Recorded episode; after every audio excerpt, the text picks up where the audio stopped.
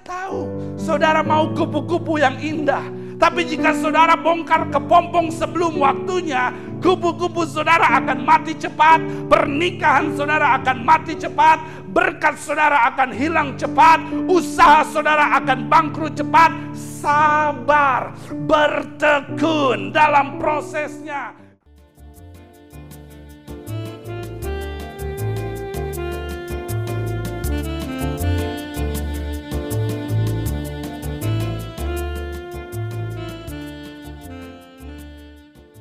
Satu gereja bagi para pecandu dan para gangster termasuk juga prostitusi.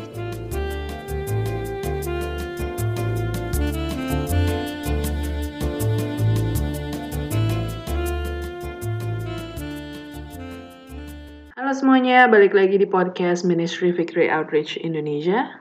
Ini merupakan cuplikan dari khotbah Pastor Jeffrey Mukalu minggu ini.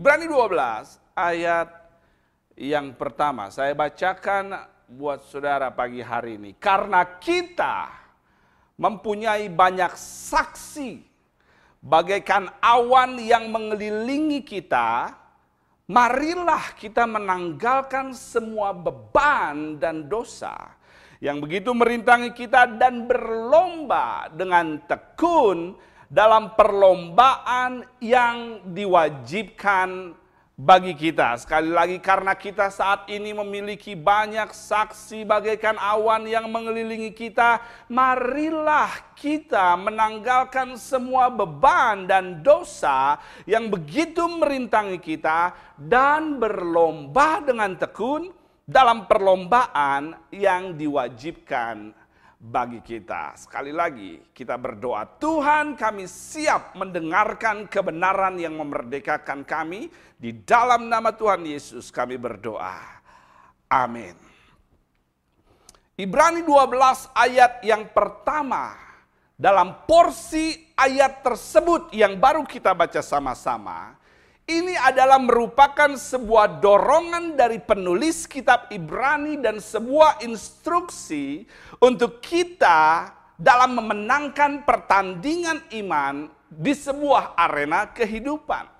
Dan saudara tahu bahwa dorongan tersebut mengacu kepada pasal sebelumnya di mana ada tokoh-tokoh iman di Ibrani 11 yang berhasil memenangkan pertandingan imannya di arena kehidupan mereka di Ibrani yang ke-11 tersebut. Karena jika saudara melihat di Ibrani 11 sebelum masuk ke Ibrani 12, Ibrani 11 mencatat kemenangan-kemenangan tokoh Alkitab dalam arena pertandingan hidup terlepas beratnya, berantakannya hidup mereka. Hidup Abraham berat namun dia berhasil karena iman. Hidup Yusuf penuh penolakan namun dia berhasil karena iman. Hidup Rahab berantakan namun dia berhasil karena iman. Bisakah saya langsung berkhotbah pagi hari ini?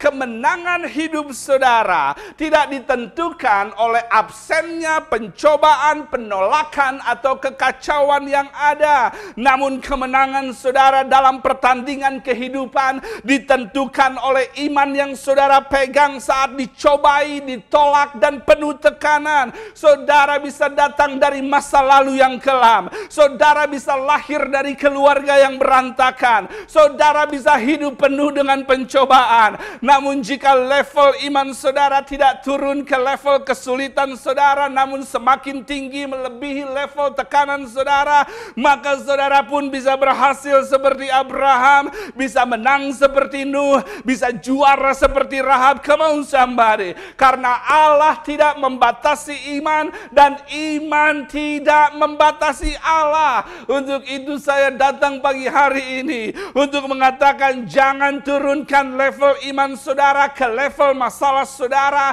namun naikkan level iman saudara kepada Allah di tengah masalah saudara. Apakah masih ada orang yang bersama saya pagi ini yang mengatakan bahwa pertandingan hidup memang tidak mudah, namun iman saya pun tidak goyah karena masalah saya hanya akan membuktikan siapa Allah saya. Kemau somebody. Lalu penulis melanjutkan, therefore, karena itu, oleh sebab itu, karena kita mempunyai banyak saksi yang mengelilingi kita bagaikan awan, marilah kita menanggalkan beban dan dosa dan berlomba dengan tekun dalam pertandingan atau perlombaan yang diwajibkan bagi kita. Kita tahu bahwa kehidupan adalah pertandingan. Ada satu kejuaraan, ada perlombaan hidup yang harus kita lalui, di mana kita harus berlari baik di dalamnya, sehingga kita bisa menjadi pemenang dan mendapatkan mahkotanya. Berapa banyak dari saudara yang mau naik podium dan menjadi pemenang dalam pertandingan hidup ini? Ibrani 12 mencatat beberapa prinsip kebenaran yang ingin kita teladani agar kita menjadi atlet-atlet yang handal dalam bertanding dengan baik sehingga kita bisa meraih kemenangan dalam kehidupan. Untuk itu mari kita lihat sama-sama prinsip apa yang Tuhan ingin kita teladani agar kita menjadi atlet yang handal dan memenangkan perlombaan yang diwajibkan bagi kita. Saudara tahu ketika saya memikirkan sebuah pertandingan, perlombaan atau kejuaraan dalam event tertentu atau mungkin saya melihat terlibatnya saya dalam sebuah perlombaan atau pertandingan tertentu, Saudara tahu bahwa ada hal menarik yang saya temukan ketika seorang atlet mulai bertanding dalam satu arena.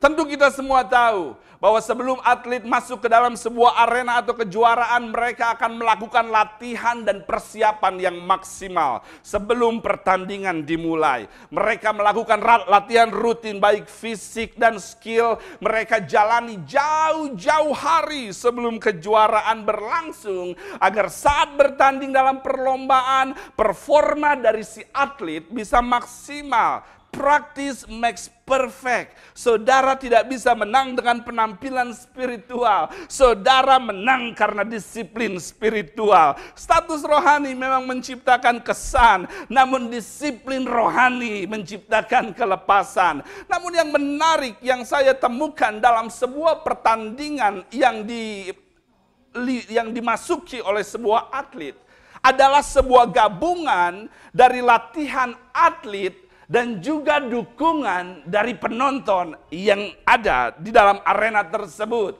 Ketika dukungan dari supporter yang mengelilingi atlet disuarakan ketika atlet bertanding dan sudah berlatih, maka saudara tahu dukungan tersebut memberikan komponen mental, menambahkan kepada skill yang atlet tersebut punya. Saudara bersama saya, Ayo, ayo, ayo, Indonesia. Duk, duk, duk, duk, duk, duk, Indonesia. Saya, saya bukan atlet, memang saya pernah bercita-cita menjadi atlet bulu tangkis. Saya ikut sekolah bulu tangkis dari kecil, tapi saya gagal dan berakhir jadi pendeta. Kamu sama, bisakah saya beritahu saudara, hanya karena saudara gagal di satu area tidak berarti saudara tidak berhasil, tidak bisa berhasil di area lain. Kamu sama. Jadi saya tidak peduli orang bilang saudara gagal ini, tidak berhasil itu, karena saya tahu ketika satu pintu tertutup, itu hanya tanda Tuhan sedang mengarahkan saudara ke pintu yang lebih baik. Come on somebody. Oleh karenanya, siapa pun yang mengatakan bahwa saudara gagal, saudara jatuh, saudara tidak bisa berubah, saya datang untuk melawan pendapat tersebut dan ingin mengatakan saudara akan berhasil, sukses, dan berdampak. Karena yang terpenting bukanlah cara saudara memulai sesuatu, tapi cara saudara mengakhiri sesuatu. Kembali kedukungan penonton sekeliling. Ketika seorang atlet mulai bertanding atau saya mulai bertanding, saya sudah latihan, namun ketika saya masuk dalam arena dan saya mendengar yel-yel atau support dari penonton sekeliling yang ada saat itu, saya akan merasa ada elemen baru yang tercipta di dalam saya, yang memberikan tambahan kekuatan untuk saya tetap bertanding dan menjadi pemenang.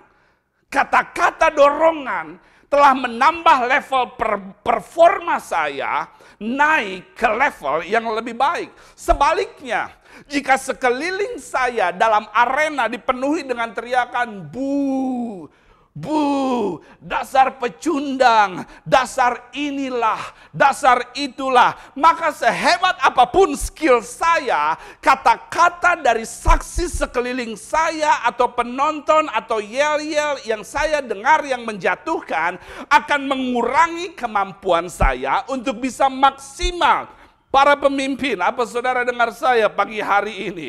Oleh karenanya, penulis Ibrani menekankan kepada kita, jika kita mau menang dalam pertandingan kehidupan ini, yang pertama berdasarkan ayat tersebut, miliki saksi yang baik di sekeliling kita. Perbanyak saksi-saksi yang memberikan dorongan untuk mengelilingi kita dalam arena pertandingan hidup kita. Pastikan suara yang masuk ke telinga dan hati saudara adalah suara positif dan suara dorongan. Untuk itu, pertama, saya ingin saudara berhenti menjadi kritikus terbesar untuk hidup saudara. Berhenti menjadi supporter musuh untuk diri saudara sendiri. Selesaikan pesta mengasihi mengasihani diri saudara, berhenti mengeluh dan negatif tentang keadaan yang ada, berhenti memukuli diri saudara sendiri dengan mengatakan saya berantakan, saya kacau, saya bodoh, saya tidak pantas, saya akan selamanya begini. Berhenti dan berhenti sekarang juga karena hal-hal yang saudara dengar dari mulut saudara sendiri telah menghisap kekuatan saudara dan mengulangi mengurangi skill saudara dalam bertanding. Berhenti jadi musuh dalam selimut atas diri saudara sendiri. Dan yang kedua, tutup telinga saudara dari suara-suara yang menjatuhkan yang ada di sekeliling saudara. Saudara telah diselamatkan, saudara telah dilatih, saudara telah berjuang hidup benar, dan saudara tidak punya waktu untuk mendengarkan yel-yel buruk, kata-kata negatif, komen-komen tidak tidak berfaedah. Waktu saudara terlalu berharga untuk dihabiskan mendengar hal-hal yang melemahkan kekuatan saudara. Saya tahu setiap orang berhak berbicara apa saja, namun saudara pun berhak untuk memilih siapa saja yang mau saudara dengarkan. Di samping itu mengertilah gandum tidak bertugas untuk mencabut ilalang karena tugas untuk mencabut ilalang adalah tugas penabur. Tugas gandum hanya harus fokus untuk menerima nutrisi yang benar dari penabur dan berkembang karenanya. Untuk itu, pastikan yang masuk ke telinga saudara adalah suara positif, suara dorongan, suara motivasi, dan suara kebenaran. Karena ketika skor hidup, di mana masalah terlihat menang atas hidup saudara, di mana tagihan lebih banyak dari pemasukan, di mana konflik lebih banyak dari waktu berkualitas, di mana penolakan lebih banyak dari maka yang saudara perlukan ketika skor hidup terlihat tidak berimbang, saudara perlu untuk mengejar ketinggalan dan merubah skor tersebut. Dan untuk saudara merubah skor tersebut, saudara perlu saksi positif yang mengelilingi saudara bagaikan awan dan mengatakan Indonesia. Indonesia. Bevin Rio. Shalom Melia kamu bisa. Umat pemenang kita menang. Come on somebody. Jika Abraham bisa, jika Rahab bisa, jika Daud bisa, jika Pastor Sony bisa, jika saya bisa, maka saudara pun bisa. Oleh karenanya pagi hari ini untuk para istri berhenti merendahkan suamimu dan jadi supporter buat dia. Para suami katakan amin. Para suami berhenti berbicara kasar pada istrimu dan jadi cheerleader. Para istri katakan yes. Para orang tua berhenti melebeli anak-anakmu. Para anak-anak katakan amin. Para pemimpin dengar saya baik-baik. Berhenti mengupas kesalahan pengikutmu. Come on somebody. Para anak berhenti berbicara tidak sopan pada orang tuamu. Para orang tua katakan amin. Gereja Tuhan jaga mulutmu. Victory Outreach katakan amin. Karena hidup dan mati dikuasai oleh lidah dan siapa yang suka menggemakannya akan memakan buahnya. Jadilah penyemangat, jadilah pendorong. Karena saudara harus tahu, jika saudara mendorong seseorang untuk maju, saudara tahu apa yang terjadi, maka saudara pun otomatis akan ikut maju dan sebaliknya. Jika saudara menjatuhkan orang, maka otomatis saudara pun akan ikut turun ke bawah. Saudara akan bisa berlari dengan baik dalam pertandingan iman ini dan berhasil jika saudara dikelilingi oleh saksi-saksi yang positif yang mendukung saudara. Karena kita mempunyai banyak saksi.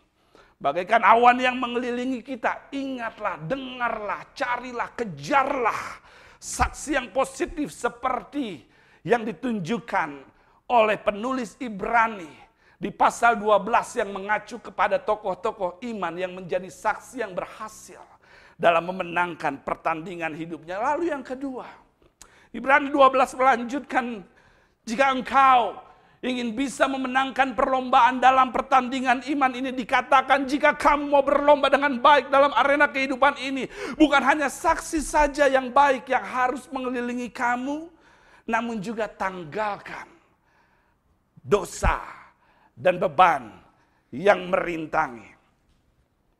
Ketika saudara melihat sesuatu berputar terus-menerus di satu tempat maka di dalam orbit tersebut kita tahu ada kekuatan di tengah yang besar yang menahan hal-hal yang berputar tersebut sehingga tidak bisa bergerak maju dan hanya berputar di satu tempat karena ada satu kekuatan di tengah yang menahannya. Dan adalah benar apa yang Ibrani 12 katakan, adalah benar dosa memiliki kekuatan untuk menahan seseorang berada di tempat yang sama. Bangsa Israel telah menjadi contoh betapa dosa dan beban yang tidak ditanggalkan membuat mereka tidak bisa maju ke tanah perjanjian.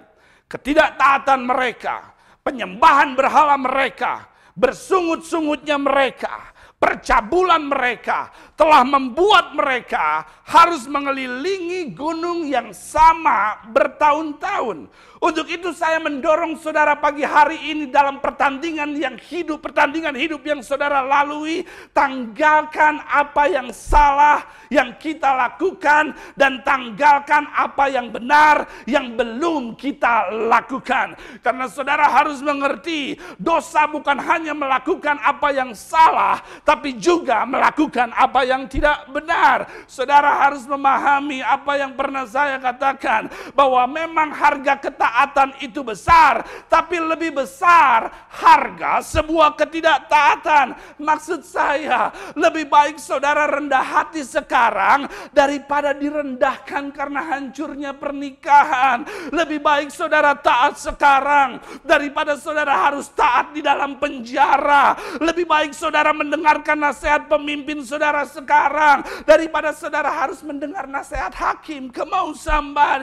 Lebih baik memilih apa yang benar sekarang daripada memilih apa yang benar di ruang ICU. Tanggalkan sekarang dosa dan tanggalkan sekarang beban yang merintangi. Saudara telah melalui banyak hal gila di masa lalu untuk tetap hidup di masa lalu. Saudara telah lama ikut Tuhan untuk tetap sama. Saudara telah berumur untuk tetap bertindak seperti anak kecil. Saya tahu saudara produk dari masa lalu lalu, tapi saudara bukan tawanan masa lalu. Tanggalkan kepahitan, tanggalkan kebencian, tanggalkan gosip, tanggalkan kemarahan, tanggalkan semuanya. Hapus nomor telepon mantan, come on somebody. Hapus nomor telepon bandar, come on somebody. Hapus video-video asusila, come on somebody.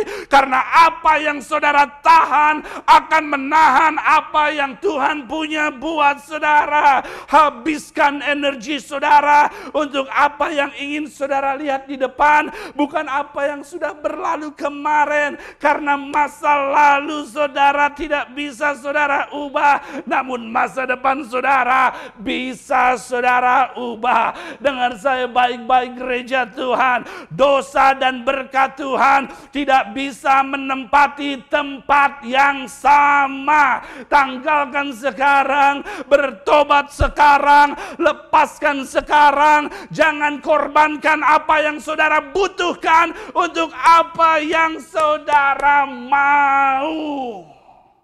Dan setelah penulis Ibrani memberikan dua arahan tersebut agar kita bisa berlomba dalam pertandingan atau arena kehidupan dengan baik. Firman Tuhan melanjutkan bahwa jika kita pun ingin mendapatkan mahkota kejuaraan, dilanjutkan di area yang ketiga bahwa selain engkau harus memiliki banyak saksi yang positif dan juga menanggalkan semua beban dan juga dosa, maka yang ketiga penulis mengatakan berlombalah dengan tekun. Berlombalah dengan tekun. Saya ingin saudara mengerti pagi hari ini, perlombaan dalam arena kehidupan adalah perlombaan maraton, bukan sprint, maraton. Lintasannya panjang, bukan 100 meter dan saudara tahu, pelari maraton adalah pelari yang tidak buru-buru ingin cepat sampai ke garis finish. Pelari maraton adalah pelari yang mampu menciptakan sirkulasi udara di paru-parunya dengan baik, sehingga dia boleh mendapatkan kekuatan dalam lintasan panjang yang harus dia lalui. Dia bisa mengatur ritme pola langkah atau pola larinya sehingga dia mendapatkan udara yang baik yang bisa menciptakan kekuatan stabil dalam lintasannya dan tidak menyerah di lintasan tersebut. Namun jika saudara bermental sprinter di lintasan maraton atau lintasan kehidupan, maka saudara akan berada di awal namun akan tertinggal di lintasan akhir karena saudara kehabisan nafas. Saya mau nikah sekarang. Kamu somebody. Saya mau keluar home sekarang. Saya mau berkat sekarang. Saya mau sekarang. Saya mau hari ini juga. Saya tahu saudara mau kupu-kupu yang indah. Tapi jika saudara bongkar kepompong sebelum waktunya, kupu-kupu saudara akan mati cepat, pernikahan saudara akan mati cepat, berkat saudara akan hilang cepat, usaha saudara akan bangkrut cepat, sabar, bertekun dalam prosesnya.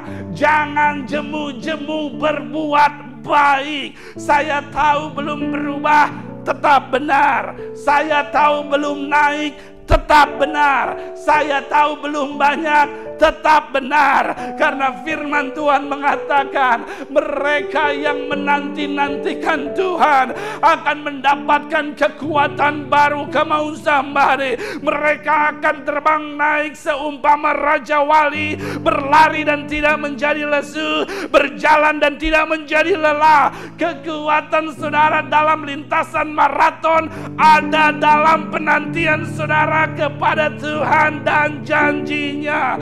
Musa menunggu 40 tahun, Yusuf menunggu 13 tahun, Yesus menunggu 30 tahun, saya menunggu bertahun-tahun untuk bisa melihat VO satelit di Papua. Kemau somebody, makanan instan memang lezat, tapi makanan yang dimasak lewat proses itu sehat. Berapa banyak yang mau sehat, kuat dan bisa mengakhiri lintasan kehidupan dan jadi pemenang bagi hari ini. Untuk itu, tetaplah mengasihi walaupun pasangan belum berubah. Tetaplah jujur walaupun usaha belum naik. Tetaplah melayani walaupun ditolak. Tetaplah berlari walaupun dicobai berhenti. Karena masa penantian saudara akan berakhir jika dinantikan dengan sikap yang benar kepada Tuhan dan janjinya. Kelilingi dengan saksi yang menguatkan. Tanggalkan dosa dan beban dan bertekunlah dengan ritme dalam lintasan saudara. Bersabarlah dalam prosesnya. Karena cara saudara menghandle proses akan menentukan cara saudara menerima hasil. Dan jika saudara mau melakukan apa yang firman Tuhan tunjukkan, untuk kita bisa menjadi pemenang dalam pertandingan iman ini, maka mahkota juara akan saudara dapatkan. Berapa banyak dari saudara yang ingin mendapat mahkota juara pagi hari ini? Tundukkan kepala saudara dan saya mau berdoa buat saudara. Saya tidak tahu saudara sedang berada di etapu berapa. Saya tidak tahu tantangan apa yang saudara sedang alami. Saya tidak tahu seberapa besar kekuatan yang saudara sisakan saat ini. Namun pagi hari ini saya percaya bahwa lintasan kehidupan yang diilustrasikan oleh sebuah perlombaan dalam Alkitab. Pertama jelas menyediakan mahkota. Dengan kata lain ada mahkota. Ada berkah, ada promosi, ada janji Tuhan yang sudah disediakan buat saudara. Untuk itu apa pun yang saat ini saudara hadapi, lalui. Pastikan saudara bisa memiliki strategi-strategi ilahi dengan menampilkan atau mengelilingi diri saudara dengan saksi-saksi yang bisa mendorong saudara untuk tetap berlari dengan benar dan juga menanggalkan apa pun yang menjadi kekuatan menahan saudara di tengah orbit yang sama dan bertekunlah walaupun saudara belum melihat hasilnya. Karena ini bukan tentang saudara mendapatkan hasil, tapi tentang saudara menghandle proses. Karena hasil adalah tugas Tuhan dan dia sudah sediakan dan proses adalah tugas kita untuk kita lalui. Dan saya percaya pagi hari ini saudara akan berhasil, saudara akan menang. Tidak heran kenapa saat ini Tuhan mengarahkan saudara lewat firman-Nya. Karena dia ingin saudara menang dan diberkati. Tundukkan kepala saudara kita berdoa. Tuhan Yesus saat ini kami terima kebenaran firman Tuhan untuk menjadi strategi dan prinsip dalam kami melalui lintasan kehidupan. Sehingga kami boleh menjadi seperti yang kau rencanakan dan kehendaki lebih dari pemenang. Mari Tuhan Engkau yang akan menyediakan semua yang dibutuhkan agar kekuatan kami bertambah dalam menang, dalam memegang iman kami di tengah lintasan-lintasan kehidupan yang sedang kami lalui. Dan apa berdoa saat ini Tuhan berikan kepada mereka ketenangan dalam berlari, ketekunan, kesabaran untuk mereka boleh tetap percaya bahwa apa yang mereka kejar tidak hilang. Tuhan telah sediakan sehingga mereka boleh berlari dengan ritme yang tepat, tidak buru-buru, tidak tergesa-gesa, namun tetap benar walaupun belum mendapat apa yang mereka harapkan. Damai sukacita Allah menyertai mereka selalu dan biarlah itu boleh menjadi kekuatan mereka dalam berlari dalam lintasan kehidupan. Kami terima firman Tuhan pagi hari ini dan hanya di dalam nama Tuhan Yesus kami akan jadi pemenang dan sama-sama yang percaya katakan amin. Saudara akan jadi pemenang, saudara akan jadi juara, saudara akan dapat mahkotanya Tetap lakukan firman Tuhan, tetap lakukan apa yang benar, dan tetap bertekun dalam prosesnya.